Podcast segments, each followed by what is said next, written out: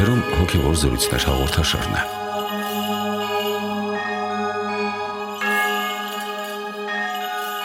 Ողջույն սիրելի ունկնդիրներ։ Թարգմանչած տոնին ընթരാճ Տեր Մեսրոպ Քահանա Արամյանի հետ զրուցում ենք հայ դպրության ու գրավոր մշակույթի սկզբնավորման, այս նվիրական արժեքների եւ դրանց մշակների սրբության շուրջ։ Օրնեցեք Տեր։ Աստված օրհնի։ Բոլոր եկեղեցիներն էլ պատվում ու սրբացնում են Սուրբ Գրքի թարգմանիչներին, Սուրբ Երոնիմոսը կաթոլիկ եկեղեցում, Սուրբ Գյուրեղը եւ Մեթոդիոսը ուղափառ եկեղեցիների ընտանիքում, բայց հայ եկեղեցին սահմանել է առանձին Սուրբ թարգմանիչների տոն հոկտեմբերին եւ երկու այլ տոնացուցային օրերի էլ հիշատակում է Սուրբ թարգմանիչներ Սահակ Պարթևին եւ Մեսրոպ Մաշտոցին ու նաեւ առանձնաբար Սահակ Պարթևին։ Ինչով է պայմանավորված այս ընդգծված ուշադրությունը եւ ինչ խորհուրդ է եկեղեցին ցանկանում դրանով մեզ փոխանցել։ Նախ մենք ուղակի սրբացրել ենք այդ գաղափարը, թարգմանության գաղափարը եւ արդեն ոչ միայն հենց անմիջականորեն Սուրբ Սահակին եւ Սուրբ Մեսրոպին եւ նրանց անմիջական աշակերտներին ենք դասում սրբոց թարգմանչած այդ շարժման մեջ, այլ նաև մենք տեսնում ենք դրա շարունակությունը դարերի ընթացքում որտեվ սրբոց թարգմանչած շարքերում մենք տեսնում ենք եւ Գրիգոր Նարեկացուն եւ Ներսե Շնորհալուն եւ շարքում էլի կարելի է ավելացնել մարդկանց նույն Տաթևացուն, Որոտնեցուն, Արևելցուն կամ Հովանես Սարգսակին եւ այլն Այսինքն մենք տեսնում ենք, որ այդ սրբոց թարգմանչած շարժումը եղել է մեր հոգևոր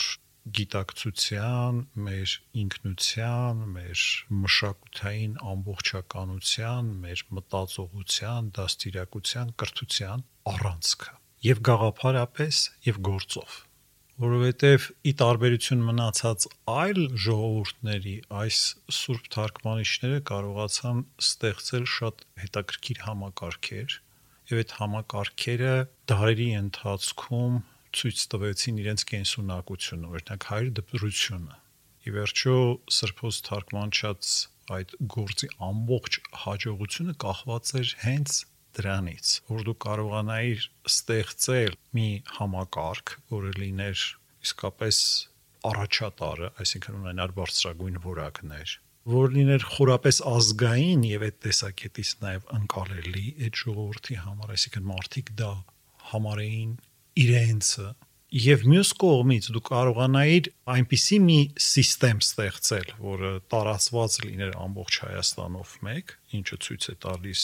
Կորյունի վարկ Մաշտոցի ստեղծագործությունը, որ Մեսրոպ Մաշտոցը կարողացավ դանել, նույնիսկ Հայաստանի սահմաններից դուրս էլ հասավ մինչև բյուզանդական կայսրություն եւ այնտեղ էլ հայերին հասավ կրթության։ Բայց անի երևակայելի բան է, ինչ որ նրանք արել են։ Եվ այնուհետև դա դարերի ընթացքում շարունակություն ունեցավ, եւ ես կարող եմ ասել, որ մենք որպես ժողովուրդ մինչև հիմա նստած ենք իրենց կրեդիտի վրա։ Այն ինչ որ իրենք արել են 5-րդ դարում շուրջ 1600 տարի այս շարժումը մեր գոյության առանցքն է դարձել։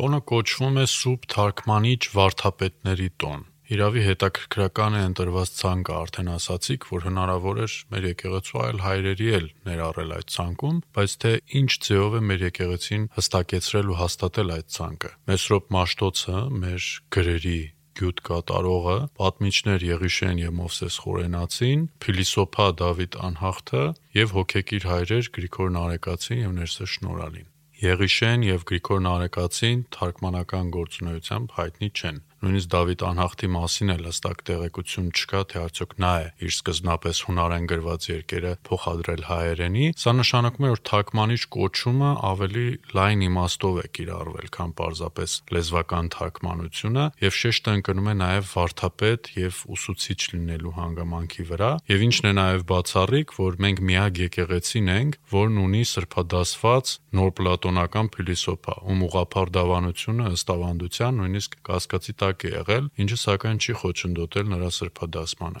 Ինչով կբացատրեք մեր եկեղեցու հայրերի ու մտածողների հենց այս բույլի ընտրությունը։ Ես կարծում եմ, որ այդ ցանկը ամբողջական չէ։ Մեր եկեղեցու պատմության մեջ շատ կան հետո ավելացված անուններ եւ ոչ ամբողջական բաներ մենք շատ ենք տեսնում։ Տեսեք օրինակ նույն Տաթևացին եւ որոտնեցին։ Մեծագույն սուրբ էր։ Այսինքն Սուրբ Գրիգոր Տաթևացին ոչ թե 100-ամյակային, 1000-ամյակային սուրբ է։ Ի վերջո, ասենք նրա ցանոնները ուրացույցում ավելացվել են Սիմեոն Երևանցու կողմից։ Սա ցույց է տալիս, որ ոչ այդ մենք մոտեցում էլ չենք ունեցել։ Սրբոց թարգմանչած կանոնը, շարականի կանոնը մենք երբ ենք գրել։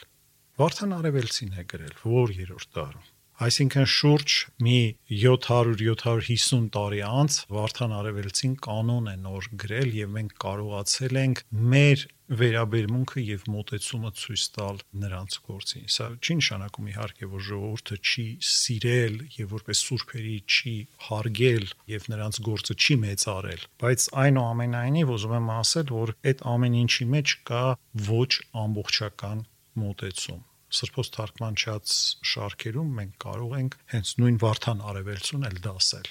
որը մեծանուն վարդապետ է եւ իր գործունեությամբ լրիվ ժառանգորդն է այդ գծի եւ նաեւ ինքը արդեն հայտնի է եղել որպես սուրբ անznավորություն իր կյանքի ընթացքում մենք ունեցել ենք սուրբեր որոնց անգամ օրեր են հատկացված եղել, տոն է եղել ուխտագնացության, օրինակ Սուրբ Ստեփանոս Սյունեցուն նվիրված, բայց հետագայում չի ընդհանրացել կամ մենք համակարգված մոտեցում այդ ամեն ինչին չենք ցուցաբերել ես կարծում եմ այդ սուրբերի հարցում նրանց տոների հարցում եւ նաեւ ամբողջականացման հարցում մենք դեռ անելիք ունենք անշուշտ կարող ես նարեկացում կցել սրբոց թարգմանչած այդ շարքին ինքը հենց այդ մարդկանցից է բայց իսկ նարեկացու տոն մենք առանցին պիտի ունենայինք բազմաթիվ խնդիրներ կան, որոնց մասին արժի մտածել եւ մենք ավելի կարիք ունենք այդ սրբոց թարգմանչած այդ վարդապետների շարքը ավելի ամբողջացնել սկսած 5-րդ դարից, օրինակ ինչի Հովան Մանդակոնին այդ շարքում չի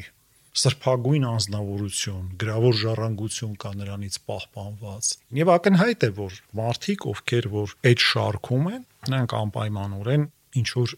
թարգմանական, տեխնիկական առումով թարգմանական մի լեզվից մի լեզու թարգմանողներ չեն եղել, այստեղ այլ թարգմանության մասին է խոսքը։ Եվ Վարդան Արևելցին հստակորեն շարականում ասում է, որ տնորինաբար զարթարեցին զիմաստս անեղին, այսինքն ովքեր եղան այդ աստվածային անեղ իմաստները տնորինաբար զարթարողներ, մեկնողներ, մեզ դրանցով կերակրողներ եղան, այսինքն նշանակում է թարգմանիչը նախ եւ առաջ Աստծո մարդն է։ Թարգմանիչը գիտի Աստծո կամքը թարգմանել,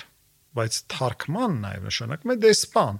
Այսինքն բառի բուն իմաստով թարգման դա է նշանակում, այսինքն իրենք Աստծո ներկայացուցիչներն են այս աշխարհում, այլ կերպ ասած թարգմանիչը նա է, ով գիտի երկնային իմաստները թարգմանել մեզ հողեղեններիս համար։ Սա է թարգմանության ամենակարևոր ասպեկտը, այսպես ուղղահայաց ասպեկտը։ Նոր կա այդ հորիզոնականը, հորիզոնականը, որ թարգմանությունը անշուշտ դա նշանակում է, որ դու կարող ես լավագույնը վերցնել։ Լավագույնը վերցնելը դա քեզ մեծ առավելություն է տալիս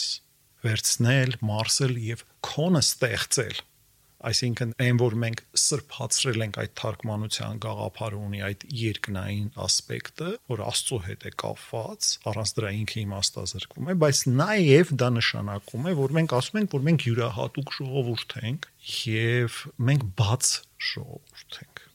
Մենք չենք ատում ուրիշներին, մենք սովորում ենք ուրիշներից մենք յուրահատուկ բացություն ունենք եւ դա մեր կյանքում երևում է տեսեք մի օտար գալիս է Հայաստան մենք դնում ենք մեր գլխի վրա ման ենք տալիս մենք յուրահատուկ բացություն ունենք մարդկանց նկատմամբ մենք երբ որ գնում ենք այլ մշակույթների մեջ թերևս հայերը ամենաարագն են ինտեգրվում այլ մշակույթների մեջ դա նշանակում է որ մենք խնդիր չունենք ինտեգրվելու մերվելու բաց ենք Եվ սա շատ յուրահատուկ առանձնահատկություն է եւ ես նաեւ մտածում եմ որ մեր գոյատևման գաղտնիքներից մեկն է։ Գիտեք, կոշտը կոշտի հետ երբ որ բախվում է կարծր բանը կարծր բանի հետ, նա որ ավելի քիչ դիմադրություն ունի, փշրվում է բայց կոշտ թե փափուկի հետ բախվի ինքը կանրադառնա եւ փափուկին ոչ մի բան էլ չի լինի էլի դա ուզում եմ ասել որ ինչ որ յուրահատուկ մի փիլիսոփայություն է որ մենք լրիվ այլ ձևով ենք վերաբերվել մարդկանց եւ այդ կոդը չեն կարողացել կոտրել ես կարծում եմ որ սա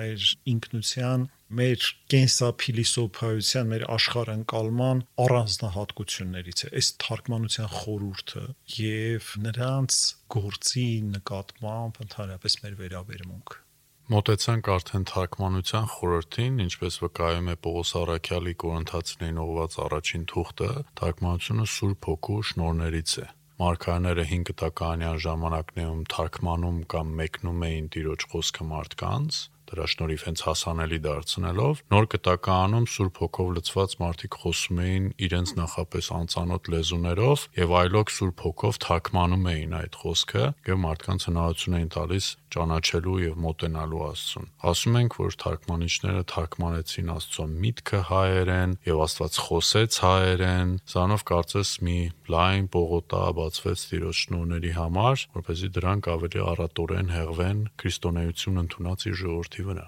Անշուշտ դրանք շնորհներ են, առաքելական շնորհներ են, եւ մենք ունենք հենց հատկապես թարգմանության շնորհի նկատմամբ յուրահատուկ վերաբերմունք ինչպես արդեն ասացի։ Եվ ավելին մենք դա այդ յուրահատուկ վերաբերմունքը արտացոլել ենք մեր ամբողջ կենսափիլիսոփայության մեջ եւ դրել ենք դա կրթության հիմքում։ Լայն առումով, եթե ուզում եք իմանալ կրթությունը ինքը թարգմանություն է։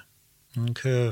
որոշակի իրողությունների բացատրություն է։ Թարգմանությունը ոչ այլ ինչ է, եթե ոչ բացատրություն դա տարածի վերակրկնություն չի, դա մեկնաբանություն է, բացատրություն է, դա անկալում է։ Եվ այդ իմաստով կարող ենք ասել, որ կրթության ամբողջ process-ը դա մի յուրահատուկ թարգմանություն է։ Մենք թարգմանում ենք անցյալի իմաստությունը մեր երիտասարդների համար, երիտասարդ սովորողների համար։ Եվ ոչ միայն դա, մենք նաև պարտավոր ենք ապագան թարգմանել ներկայի համար, որպեսզի իրենք էլ հասկանան, թե իրենք ուր են գնում, սա էլ նպատակադրությունն է։ Այսինքն տեսեք, ես թարգմանություն բառով կարող եմ նկարագրել կրթության բոլոր process-ները։ Ցանկացած բան ինձ կրթության մեջ ցույց տվեք, ես ցույց կտամ, որ դա կապված է թարգմանության այդ խորհրդի հետ։ Եվ պատահական չի, որ դա նաև համարվում է աստվածային շնոր եւ նաև համարվում է վարթապետական այդ աստիճանների մեջ ամենաբարձր 14-րդ աստիճանը, եթե ես չեմ սխալվում, հենց այդտեղ այդ աղոթքում, երբ որ տրվում է այդ ծայրագույն վարթապետության այդ 14-րդ աստիճանը, ասում է, ահա որցյակ դու ստացար արդեն կատարյալ շնորը, որ թարգմանության շնորհն է։ Այսինքն մենք անգամ այդ շնորհների մեջ թարգմանությունը համարում ենք ամենաբարձր կատարյալ շնորհը կամ արվեստը կամ գիտությունը կամ արվեստների արվեստը եւ իսկապես թարգմանությունը արվեստ է թարգմանությունը արվեստների արվեստ է թարգմանությունը նրբություն է թարգմանությունը ճանաչողություն է թարգմանությամբ դու որևէ բան երբ թարգմանում ես դու դա դարձնում ես քոնը դա յուրահատուկ հոգեհարազատություն է թարգմանություն նշանակում է ներքին կապ ես նկատի ունեմ իրական թարգմանությունը ոչ թե մեխանիկական արտաքին թարգմանություն եթե դու իսկապես թարգմանում ես դու հոգին ես թարգմանում դու էությունն ես թարգմանում դու միտքն ես թարգմանում ոչ թե արտաքին այսպես ֆորմաներն ես թարգմանում այստեղ կա մի առանձնահատկություն նաև շատ կարևոր որպեսի դու հասնես թարգմանական այդպիսի մեծ բարձունքի դու պիտի քո եսից հրաժարվես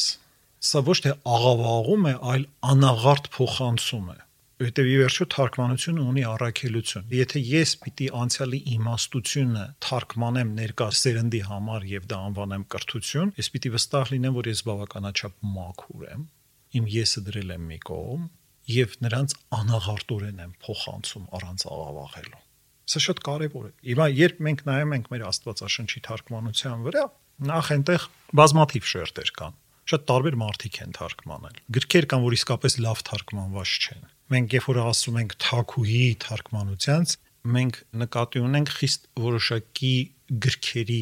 թարգմանություն եւ նախ եւ առաջ 4 ավետարանների, որը ամենայն հավանականությամբ կատարվել է Մեսրոպ Մաշտոցի կողմից։ Ասենք շատ բարձր ոճի թարգմանություն է օրինակ Պողոս Արաքյալի հռոմեացիներին ուղված թղթի թարգմանությունը եւ այլն։ Լավ չեն թարգմանված, օրինակ ասենք կաթողիկե թղթերը եւ այլն։ Շատ տարածի է թարգմանված։ Ինչևէ, ասելիքս այն է, որ եթե մենք վերցնում ենք այդ ավետարանների թարգմանությունը եւ դա է հենց հայոց լեզվի էտալոնը աճարյանը ասում է եթե հայերեն պիտի սովորեք կարդացեք 4 ավետարանները գրափարով այդտեղ մենք տեսնում ենք այդ զարմանալի անանձնականությունը բնագիր է թարգմանություն չես կարող նշмарել այդտեղ։ Այդտեղ է որ դու տեսնում ես այդ մարդու մեծությունը ինչ է եղել, Մեսրոպ Մաշտոցի մեծությունը։ Ինչ հիմքեր է ինքը դրել։ Այսինքն ինքը բացառիկ անազնական sense թափանցիկ մի մարդ է եղել, մեծագույն սուրբ է եղել։ Եվ մեզ հնարավորություն է տալիս անաղարտորեն հաղորդակցվելու այդ Աստծո հոգու հետ։ Ուրեմն մենք տեսնում ենք այդ թարգմանության նկատմամբ վերաբերմունքի ինչ առանձնահատկություններ են ունեցել եւ տեսնում ենք որ թարգմանությունը ինչքան խորը գաղափար է եւ հասկանում ենք որ դա նաեւ մեր ինքնության անբաժանելի մասն է որտեղ մեր ինքնության մեջ հատկապես այդ թարգմանությունը յուրահատուկ ձևով է արտահայտված։ Միգուցե մենք նաև թարգմաններ ենք նրա համար, որովհետև ինչ որ մի բան կա, որ պիտի մարդկության համար թարգմանենք։ Ինչ որ աստվածային կարևոր մի падգամ կա, կարողա դա է մեր առաքելությունը։ Հիմա աստված որ հաշտվել է մարդկանց հետ, դա վերջնականորեն այս հողի վրա որ հաշտվել է, դա թարգմանվել է մարդկանց համար, դեռ միգուցե ոչ, դեռ միգուցե մենք անելիք ունենք։ Մենք որ առաքելական հավատք ունենք, դա կարողացել ենք մարդկանց համար ոչ վերջ թարգմանել, մեզ համար թարգմանել թարգմանել են գոնե դեռ ոչ անելիքներ կան այնպես որ այստեղ մենք տեսնում ենք որ մի շատ ունիվերսալ բան կա եւ եթե մենք ուզում ենք մեզ լավ հասկանալ իմանալ մենք ով ենք ապա այս ուղղությամբ մենք լրջագույն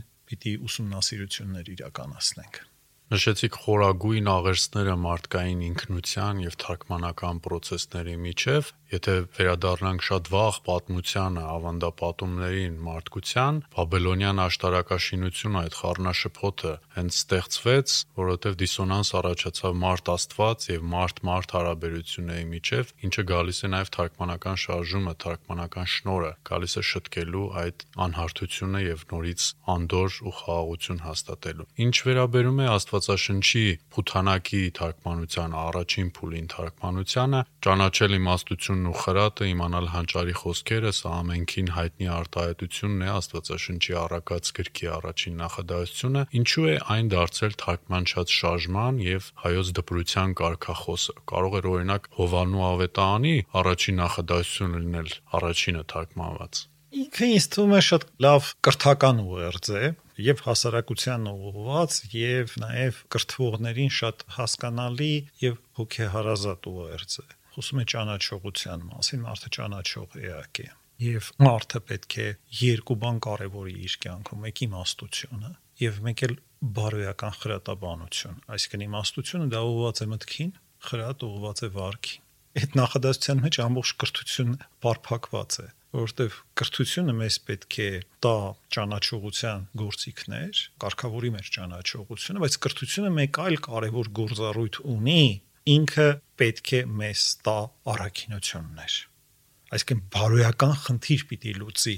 Եվ եթե սրանով չի զբաղվում կրթություն, ուրեմն ինքը հեռացել է բուն իր իմաստից։ Ես կարծում եմ, որ ինքը լավագույնս դա է արտահայտում եւ պատահական չի, որ դա դարձել է մի տեսակ կարկախոս, գործածվել է միգուցե բոլոր դպրոցներում եւ այլ, որտեղ ուղերձը շատ հստակ է։ Եվ նաեւ եթե դրանից են սկսել Սուրբ Գրքի թարգմանությունը, հենց այդ առաջին նախադասությունն է եղել, սա էլ է հատկանշական, որ մենք յուրահատուկ վերաբերմունք ունենք կրթությանը։ Մի մոռացեք ի վերջո, որ մենք դարեր շարունակ պետականություն կորցրած լինելով գոյատևել ենք կրթությամբ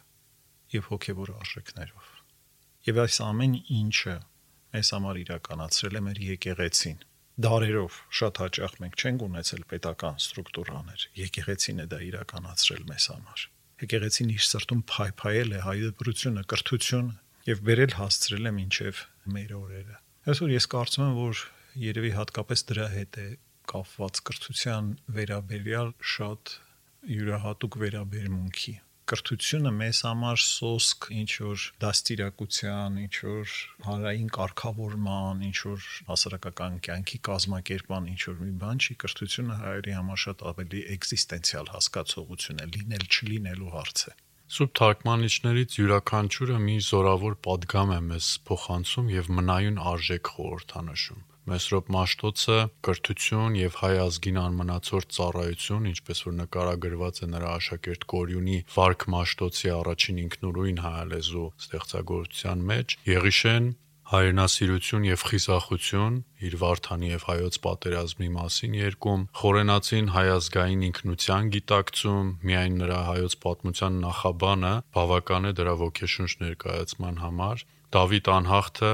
եւ հունաբան դպրոցը թարգմանիչների օրինակ են համաշխարհային ժառանգության լավագույն մասի փոխարման, ինչու մեր ժողովուրդը փայլել է ողջ տարի ընթացքում, Նարեկացին հոգևորություն եւ կենթանի քրիստոնեություն իր մատյանով, շնորհալի հայրապետն էլ առաքինի եւ ստեղծագործ կյանք իր ամբասիր վարքով ու բեղուն գրչով։ Այս արժեքներին է, որ մենք կարծում եմ պետք է փարված լինենք, հենց թարգմանչած տոնի խորհուրդներից մեկն էլ երևի սա է։ Դե անշուշտ նրանք եղել են մեծ սուրբեր, մեր թարգմանիչ հայրերն են եւ ամեն մեկը թողել է մի ժառանգություն, յուրահատուկ ժառանգություն եւ նաեւ ամենակարևորը մեծ վկայություն հավատքի սրբության մեծ վկայություն եւ երբեմն այդ վկայությունները ուղղակի համամարտկային փայլատակումներ են նարեկացին ինքը համամարտկային է նրա գիրքը լցնում է ոչ միայն այս երկրագնդի տիեզերքի ամեն մի անկյուն է թափանցում նրա խոսքի զորությունը եւ պատահական չէ ամենևին որ նաեւ Հռոմի եկեղեցին էլ նրան դասեց տիեզերական ուսուցիչների շարքին այդպիսին է նա նրա խոսքը չի ճանաչում ոչ մի մշակութային արգելք կամ պատնեշ ամեն մեկը շատ յուրահատուկ վկայություն է մեզ փոխանցում եւ ամեն մեկի դերը առանձնահատուկ է մեր կյանքում մենք կարիք ունենք նաեւ հասկանալու նրանց դերը յուրահատուկ վերաբերմունք ունենալու եւ մեծարելու որովհետեւ եթե մենք ուզում ենք արժևորել մեր ինքնությունը նախ եւ առաջ մենք պետք է արժևորենք այս մարդկանց գործը այդ սրբոս թարգմանչած տոնը պիտի լինի ամենամեծ երևի մեր ազգային տոնը բայց դեռ ես չեմ տեսնում այդ վերաբերմունքը այդ տոնին տոնին պետք է լուրջ ձևով նախապատրաստվել այնուհետև դա պետք է լինի դրված կրթության մեջ իսկապես մենք պետք է կարողանանք նրանց գործերին ծանոթացնել նորից եմ ասում սկսած 5-րդ դարից մենք ունենք այլ մարդիկ էլ որոնք հաստատ այդ շարքերում են մենք ուղակի պետք է պատշաճ վերաբերմունք ցույց տանք ես չեմ պատկերացնում ասենք ինչպես ենք մենք հայոց լեզու ուսումնասիրելու եթե ասենք մենք օրինակ մանդակուն ու գեղեցիկ ճառերին չենք արադառնում կամ Հովանես Օձնեցի չենք դասավանդում կամ Հովանես Սարգսակ, Հովանես Երզնկացի, գեղեցկագույն, հզոր, մեծ սուրբ է եղել, շատ մեծ սուրբ է եղել, կյանքի օրոք արդեն սուրբ մարդ է եղել բոլորի կողմից ընդունված։ Եսայի նչեցի, Տաթևացի եւ այլ այլ մեծանուն սուրբեր։ Այս բոլորի նկատմամբ մենք պետք է վերաբերվենք ունենանք։ Սրանք են մեր մեծերը, սրանք մեզ տվել են միտք, Սրանք մեզ տվել են հավատք, մեզ տվել են ժառանգություն, մեզ տվել են կրթություն եւ հենց իրենց գործերի մեջ է նաեւ մեր առանձնահատկությունը շատ կարևոր է իմանալ քո առանձնահատկությունները, որտեղ հենց այդ առանձնահատկությունների մեջ են քո ուժեղ կողմերը եւ երբեմն էլ քո տկար կողմերը։ Մենք պետք է հասկանանք, թե ինչպես ուժեղ կողմերը պետք է զարգացնենք եւ ինչպես պետք է կարողանանք կարգավորել կամ կոմպենսացնել մեր տկարությունները։ Սա է որ մեզ կարող է հզորացնել այդ մարդկանց գործի միջոցով է որ մենք առավել լավ ենք տեսնում այդ հանգամանքները ինչ տեղերում մենք ունենք առավել մեծ հնարավորություններ եւ ինչը պետք է ուղենք մեր մեջ Այնպես որ մեր ինքնությունը սերտորեն աղերսված է այս սրբոս թարգմանչած գործի հետ եւ ես վստահ եմ որ հենց որ մենք կարևորեցինք նրանց գործը հենց որ դա դրեցինք կրթության մեջ հենց դրեցինք դա մեր գիտակցության մեջ եւ այլն մենք որակապես ուրիշ ժողովուրդ ենք դառնալու Այո, օշականը պետք է կրկին վերածվի համազգային ուխտատեղի Եվ բազում այլ ուխտավայրեր կան, որտեղ մենք կարող ենք հաղորդ դառնալ թարգմանչած խորհրդին։ Ցավոք իմացանք, որ Ամարասի վանքը, որտեղ Մեսրոպ Մաշտոցը բացել էր Արցախի առաջին դպրոցը, անցել է ադրբեջանական վերահսկողության տակ, միթե սա նշան չէ, որ մենք հեռացել ենք մեր հայրերի օղուց, թերացել ենք թարգմանչած առաքելությունը իրագործելուց դժել ենք մեր ուխտը կամ թերացել ենք դրա կատարման մեջ ու դրա համար էլ դեգերում ենք այս խավարի ու անորոշության մեջ։ Այո, դա այդպես է, դա մեր մեղքերի պատճառով է, բայց պետք չէ դա դիպտել ընդհանրապես որպես վերջնական կորուստ։ Աստված տալիս է, Աստված վերցնում է, բայց եթե դու իսկապես դարձես գալիս առ Աստված, Աստված նորից քեզ վերադարձնում է։ Նայեք հрեաների պատմությանը։ Նրանք կորցնում էին Երուսաղեմը, գնում էին երկարատև գերեվարության, Բաբելոն եւ այլն, բայց հետո երբ նորից դարձի էին գալիս եւ ապաշխարում էին, իրենք նորից վերադառնում էին Սուրբ Երկիր։ Էնպես որ այսօր ոչ մեկը թող չմտածի, որ մենք եթե մի բան կորցնում ենք, ապա դա կորցրել ենք ընդմիշտ վերջնականապես եւ այլևս որևէ հնարավորություն չկա։ այդպես չի։ Հավատացյալ մարդը այդպես չի կարող մտածել։ Եթե մենք Տիրոջ հետ ենք, մենք ամեն ինչ էլ վերադարձնելու հնարավորություն ունենք։ Եթե Տիրոջ հետ չենք, ինչ էլ ունենք կարող ենք կորցնել։ Շնորհակալ եմ այս զրույցի համար, Տեր հայր, ապացուցված է բազում ազգերի պատմությունից ելնելով, որ շատերը կարողացել են վերստին զարթոնք ապրել հենց գրի եւ դպրության շնորհիվ, այնպես որ թարգմանչած տոնի խորհրդին վերստին հաղորդ դառնալ եւ այդ ուղով ընթանալն է, որ գուցե մեր ժողովրդին նոր բարձունքներ գրավելու հնարավորություն է տալու։ Սիրելի ունկնդիրներ, մենք ձեզ հրաժեշտ ենք տալիս։ Մնացեք խաղաղությամբ։ Thank you.